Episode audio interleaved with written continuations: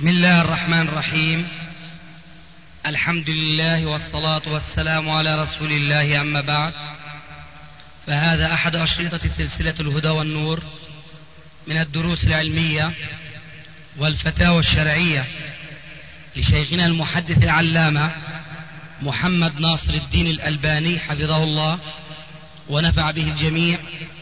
قام بتسجيلها والتأليف بينها محمد بن أحمد أبو ليلى الأثري. إخوة الإيمان والآن مع الشريط الحادي عشر بعد المئة السادسة على واحد. لذلك لا بد أن نعلم بأن المال الذي كان سببا في إطفاء جذوة الإيمان وفي تقطيع مودات القلوب وفي استعباد هذه الأمة على أيدي أعدائها وفي انتقاص أرضها وفي سلب خيراتها وفي ضربها بعضها مع بعض يجب أن نعلم بأن هذه الفتنة هي أخطر فتنة وأن علينا أن نتخلص منها وألا تتعلق بها قلوبنا. والذي يحل محل هذه الفتنة ولا شك هو أن نعلم بأن الآخرة خير لنا وأبقى وأن الآخرة التي قال الله عز وجل فيها ما قال من تقديمها وتفضيلها على الدنيا وترغيب الناس في العمل إليها لن تنال بالتمني. ولن تكون إلا بالسعي بالعمل الصالح والبذل المتواصل والجهد الذي لا ينقطع وطلب العلم والمعرفة فإن الآخرة الآخرة لا بد لها من علم والعلم لا يكون إلا بأمرين أو بثلاثة. أما الأمر الأول فأن أطلب العلم وأنا أخلص النية فيه لله وأن ثم بعد ذلك أن أعمل بهذا العلم ثم بعد ذلك أن أدعو الناس إليه. فإذا تحصل لي هذه المسائل الثلاثة عندئذ أعرف بأنني قدمت الآخرة على الدنيا وفضلت ما عند الله على ما عند الناس. امتثالا لأمر الرسول صلى الله عليه وسلم ازهد آه فيما عند الناس. آه ازهد ازهد في الدنيا يحبك الله وازهد ما في عند ما فيما عند الناس يحبك الناس. فإذا حب الناس لنا وتفضيلهم على وتفضيلهم إيانا على غيرنا واتباعهم إيانا وامتثالهم كلامنا وإصغاؤهم لحديثنا. معرفتهم الحقيقة للعلم لا تكون إلا إذا نحن آثرنا الآخرة على الدنيا وتعلمنا العلم الذي نصل به إلى حقيقة هذه الدار التي قال الله تبارك وتعالى فيها وإن الآخرة لهي الحيوان لو كانوا يعقلون. فنسأل الله سبحانه وتعالى أن يجمعنا على الخير دائما وأن يوفقنا لما يحبه ويرضاه وأن يعلمنا ما ينفعنا وأن ينفعنا بما يعلمنا وأن يجعلنا من الذين يستمعون القول فيتبعون أحسنه. ونسأل الله سبحانه وتعالى أيضا أن يمد في عمر شيخنا وأن يبارك لنا في علمه وأن يجعل للمسلمين حظا منه يفيدون منه لآخرتهم والآخرة خير وأبقى. وصلى الله وسلم وبارك على نبينا محمد. وعلى آله وصحبه وسلم. نعم. جزاك الله خير وبارك فيك. نعم. إخوة الإيمان والآن مع مجلس آخر. يلا اسأل الشيخ على السريع. يلا. يا شيخ يا شيخ. يلا اسأل يلا. يا شيخ كان رسول الله كان يرعي غنم؟ كان رسول الله إيه؟ يرعى غنم.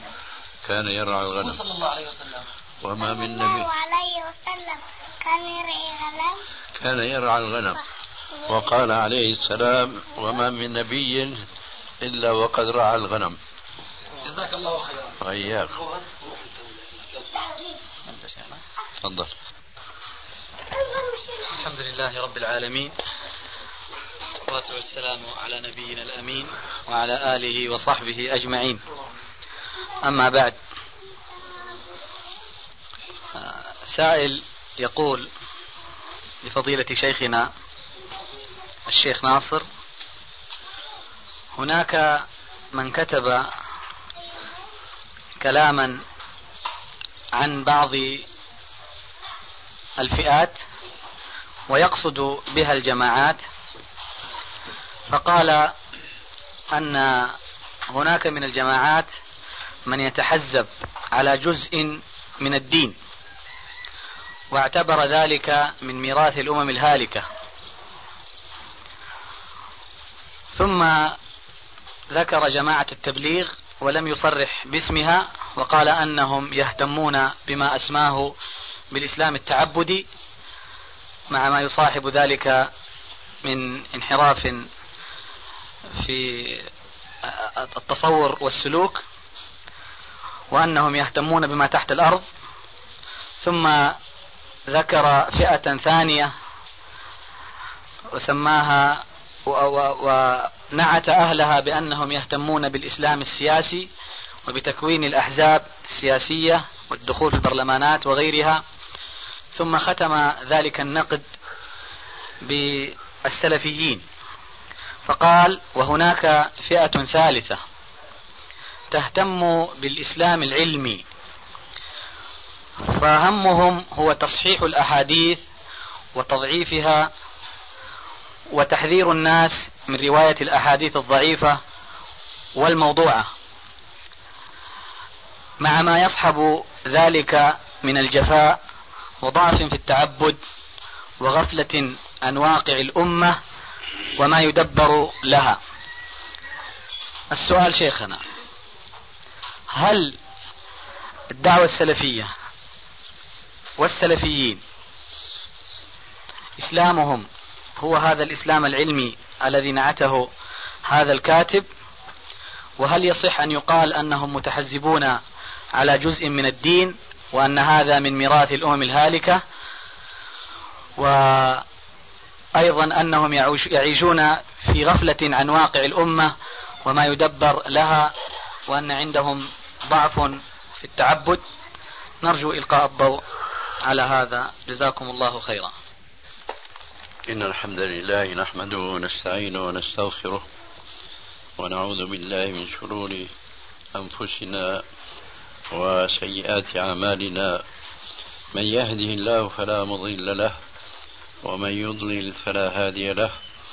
وأشهد أن لا إله إلا الله وحده لا شريك له. وأشهد أن محمدا عبده ورسوله. أما بعد أه لست على علم بشخص معين يقول مثل هذه الكلمة بل يوجه مثل هذه التهمة إلى آه، الجماعة السلفية فإن كان لمثل هذا الشخص وجود فلا شك أنه أحد رجلين إما أنه جاهل بواقع الدعوة السلفية وجماعتها التي ينتمون إليها في كل بلاد الإسلام حيث أنهم دائما يعلنون بوجوب الرجوع إلى الكتاب والسنة وعلى منهج السلف الصالح. كلهم على اختلاف مواطنهم وبلادهم وأشخاصهم يدعون دعوى حق واحدة لا يختلفون فيها مطلقا بخلاف الجماعات الأخرى التي قد تختلف افكارها وعقائدها وهي تنتمي إلى حزب واحد أو جماعة واحدة. فإن كان لمثل هذا الشخص وجود فهو كما قلت انفا أحد رجلين إما جاهل لما يعلنه دائما المتبعون للكتاب والسنة وعلى منهج السلف الصالح وإنما إنه متجاهل لهذا الواقع وهو يعلن ويدندن دائما وابدا بوجوب التعرف على فقه الواقع. فواقع الجماعة السلفية أنهم يدعون إلى اتباع الكتاب والسنة بكل ما فيه من عقائد وأحكام سواء كانت هذه الأحكام عبادات أو معاملات أو سلوك أو نحو ذلك. آه، فلذلك فمن الجهل البالغ والمكابرة الخطيرة جدا جدا أن ينسب إلى هؤلاء الدعاة إلى اتباع الكتاب والسنة وعلى منهج السلف الصالح خلاف ما يعلنونه به. أما اتهامه إياهم بالجفاء الذي يعني قلة العبادة. فهذه في الحقيقة يعني تهمة لا يعجز عن أن ينطق بها أي إنسان لا يخشى الله عز وجل ولا خلاق له في الدنيا ولا في الآخرة. ولذلك فليس لي ما أقوله بالنسبة لهذه الكلمة التي نقلتها آنفا ويرحمك الله. آه، إلا أن نقول سبحانك هذا بهتان عظيم. وكنت أود أن أعرف أن مثل هذه التهمة التهمة هل هي مطبوعة في كتاب أو في رسالة أو إنها مسجلة في شريط حتى نعود إليها وأن ندرسها لنكون أولا على معرفة بها كما نطق بها صاحبها وثانيا أن نكون دقيقين في نقدها. وأنا حينما أقول ما قلت آنفا بحق عن الجماعة السلفية فإنما أعني ذلك كدعوة. أما أن لا يكون فيهم أفراد قد ينطبق فيهم مثل هذا الوصف فهذا لا يمكن إنكاره بالنسبة لأي جماعة. مثل هذا الاقتصار على بعض الجوانب من الدعوة الشاملة العامة لا يمكن أن ننزه منها آه، أي فرد من أي جماعة. فنحن نعلم مثلا أن الدعوة التي جاء بها رسول الله صلى الله عليه وسلم صافية نقية من السماء وربى أصحابه عليها مع ذلك كان في هؤلاء الأصحاب أفراد لم يعملوا ببعض الجوانب من هذه الدعوة. فهذا لا يعني أنهم ما كانوا يتبنون الدعوة بشمولها وبكمالها وإنما شأن الإنسان أن يخطئ. فإذا أخطأ فرد أو أفراد وخالفوا الدعوة في جانب من جوانبها فذلك مما لا يسوغ لمسلم يخشى الله عز وجل أن يقلب حقيقة الدعوة التي يعلنها أصحابها لوجود أفراد يخالفونها في بعض جزئياتها.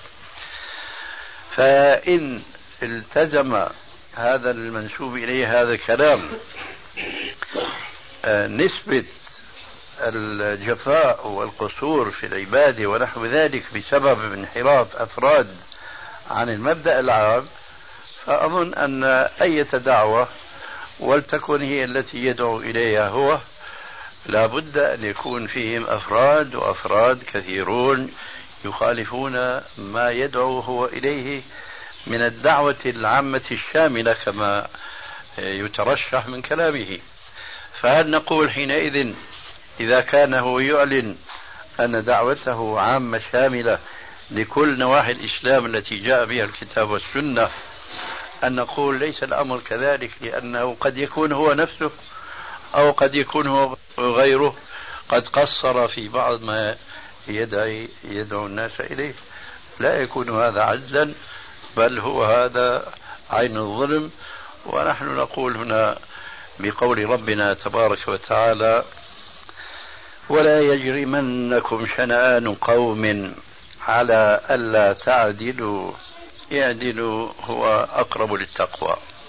هذا ما عندي جوابا عن هذا السؤال. جزاكم الله خيرا. وإياكم. فيما يتعلق بهذا السؤال شيخنا هل تظنون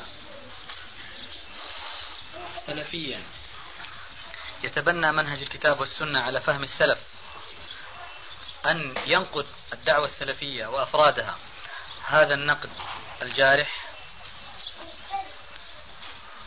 والله هذا يحتاج إلى اطلاع على أسلوب نقده. أما على هذا العرض فيبدو أنه لا يكون كذلك. تفضل. إذا كان هذا الإنسان معلوما بدفاعه عن عقيدة السلف ولكنه انتقد طائفة من الإخوة أنهم عاكف أنهم عاكفون على الكتب وغير مهتمين أو غير معطين الاهتمام الكبير لمسائل المسلمين العامة. آه، كيف يكون حاله شيخنا؟ يكون الحال كهو. إذا لم يهتم بالتحقيق الفقهي وبتصفية الأحاديث الصحيحة من الضعيفة. كيف يكون الحال؟ يعني يبقى فخورا وهذا الذي قلته آنفا. نعم جزاك الله خير شيخ. إياك معلش شيخنا نفطر أول عشان الطعام بعدين نرجع مباشرة. تفضل.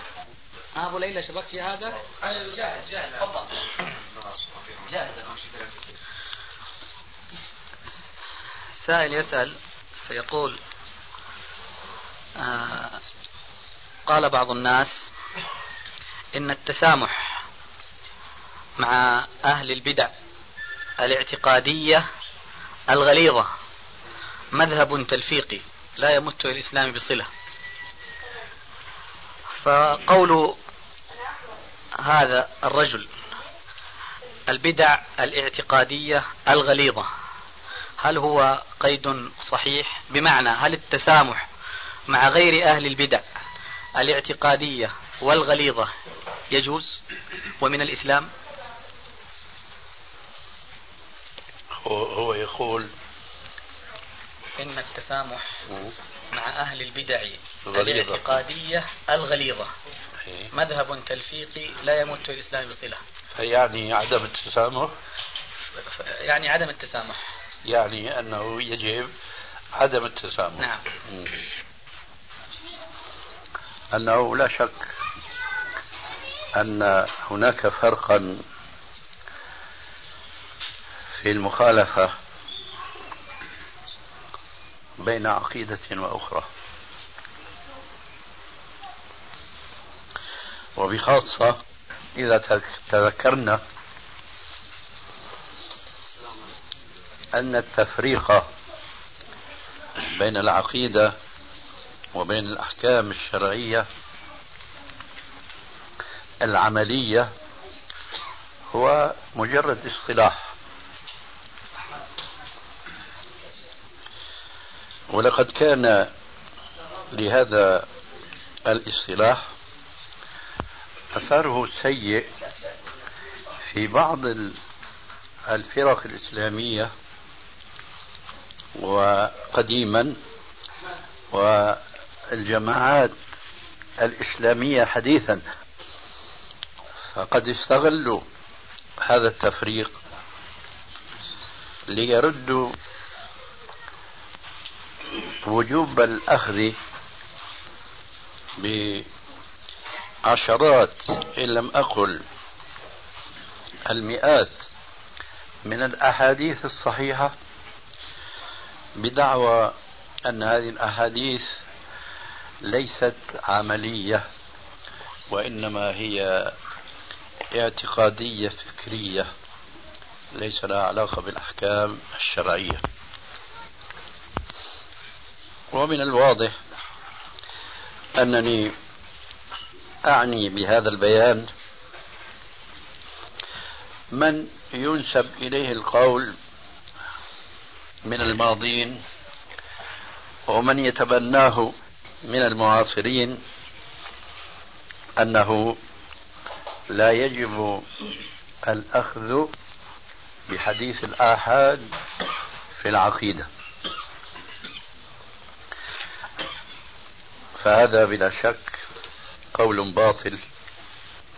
لا يقوم عليه دليل من الشرع فضلا عن العقل إن كان للعقل حجة في الأحكام الشرعية.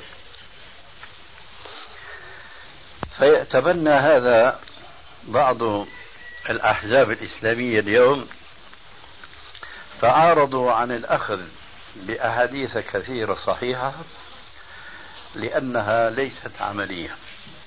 وردي على ذلك أن أي حكم شرعي هو أهم من أي عقيدة شرعية من حيث تعلق هذا الحكم بالأمر بالتعبد به إلى الله تبارك وتعالى. فكل حكم شرعي يتضمن عقيدة ولا عكس. ليس كل عقيدة تتضمن حكما شرعيا عمليا.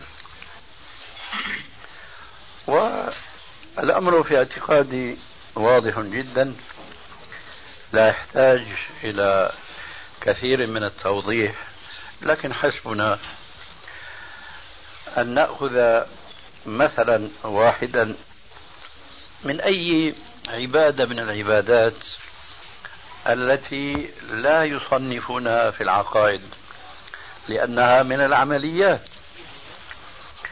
فلو أن رجلا صلى أو صام أو فعل أي شيء من العبادات المعروفة في الشرع ليس بنية التقرب إلى الله والتعبد إليه. كان عمله هباء منثورا.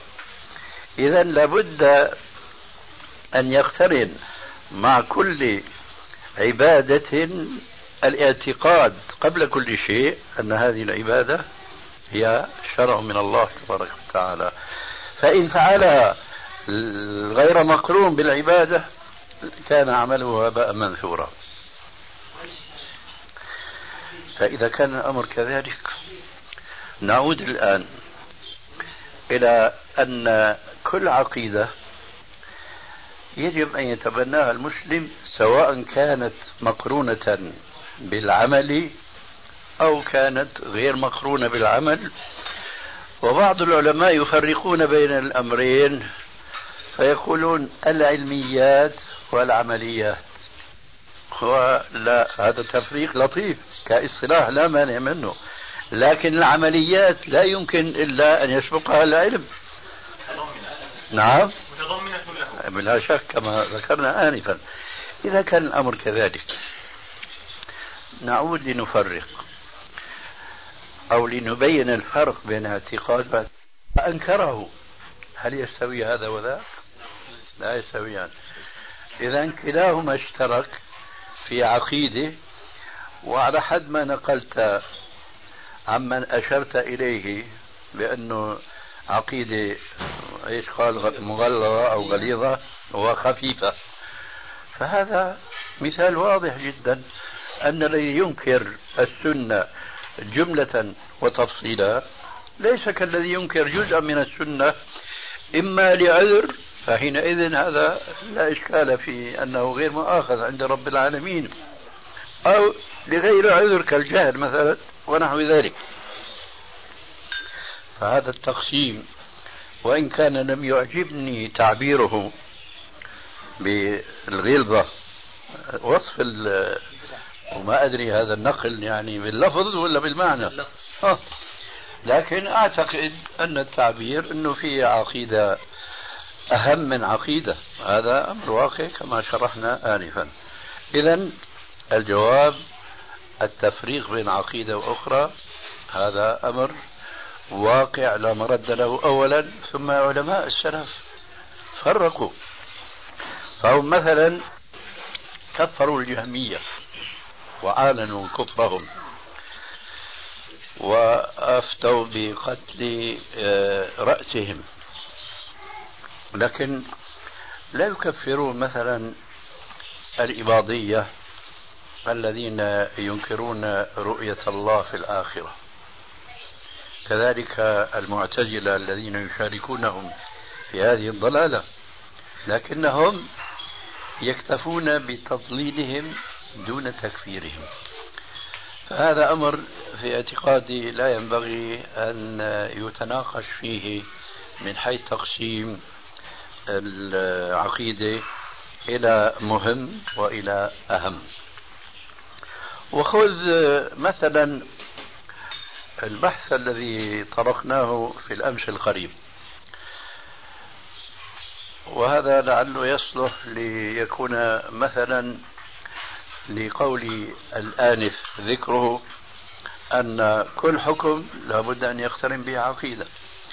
ماذا نقول بأولئك الذين خالفوا قول الرسول كل بدعة ضلالة وكل ضلالة في النار؟ فقالوا لا ليس الأمر كذلك. هناك بدعة حسنة وبدعة سيئة كما شرحنا أيضا في الأمس حول حديث من سن في الإسلام سنة حسنة. إذا هم اعتقدوا خلاف هذا الحديث. هل نكفرهم؟ لا ما نكفرهم. فهذا كمثال يمكن أن يكون للعقيدة الخفيفة بحد تعبير من نقلت عنه ذاك التعبير. نعم.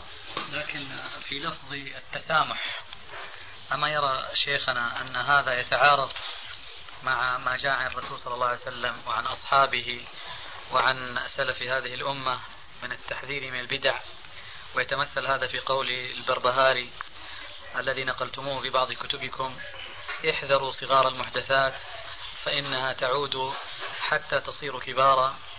وقول ابن مسعود لأولئك النفر الذين رآهم متحلقين في المسجد قال في آخر الحديث الذي روى الحديث عن ابن مسعود عن أبي موسى قال فرأيت أولئك النفر يطاعنوننا يوم النهروان فلفظ التسامح ما عليه إشكال ما يرد عليه أي إشكال؟ أنا لا أفهم من كلمة التسامح التي نقلتها عن المومى إليه أن التسامح متعلق بالشخص المعتقد. لا التسامح يتعلق مع الشخص الآخر المعتقد. أي هناك رجلان. لنعبر عن أحدهما بأنه سلفي. والآخر خلفي. الخلفي هذا مبتدئ غريق في البدع. فأنا السلفي أتسامح معه. مش أنا أتسامح مع البدعة فأفرق بين بدعة غليظة على حد تعبيره وبين بدعة خفيفة. فلا بأس أن أتبنى البدعة الخفيفة دون الغليظة. لا ليس هذا هو المقصود. المقصود أنا السلفي أتسامح مع الخلفي في البدعة إيش؟ الخفيفة دون الغليظة. هذا الذي أنا أفهمه. فإن كان هناك وجه للفهم الآخر فأنا أعتقد أن هذا بلا شك خطأ لأن المسلم يجب أن يمشي سويا على صراط مستقيم في كل ما جاء عن الله ورسوله. لا فرق الآن أقول في العمليات بين فريضة وسنة مؤكدة وبين نافلة. كل هذا وهذا وهذا يجب أن يتبناه المسلم. أولا كاعتقاد أنه هذا مشروع. وثانيا كعمل في حدود ما أشرنا إليه آنفا. على مذهب ذاك الأعرابي قال والله يا رسول الله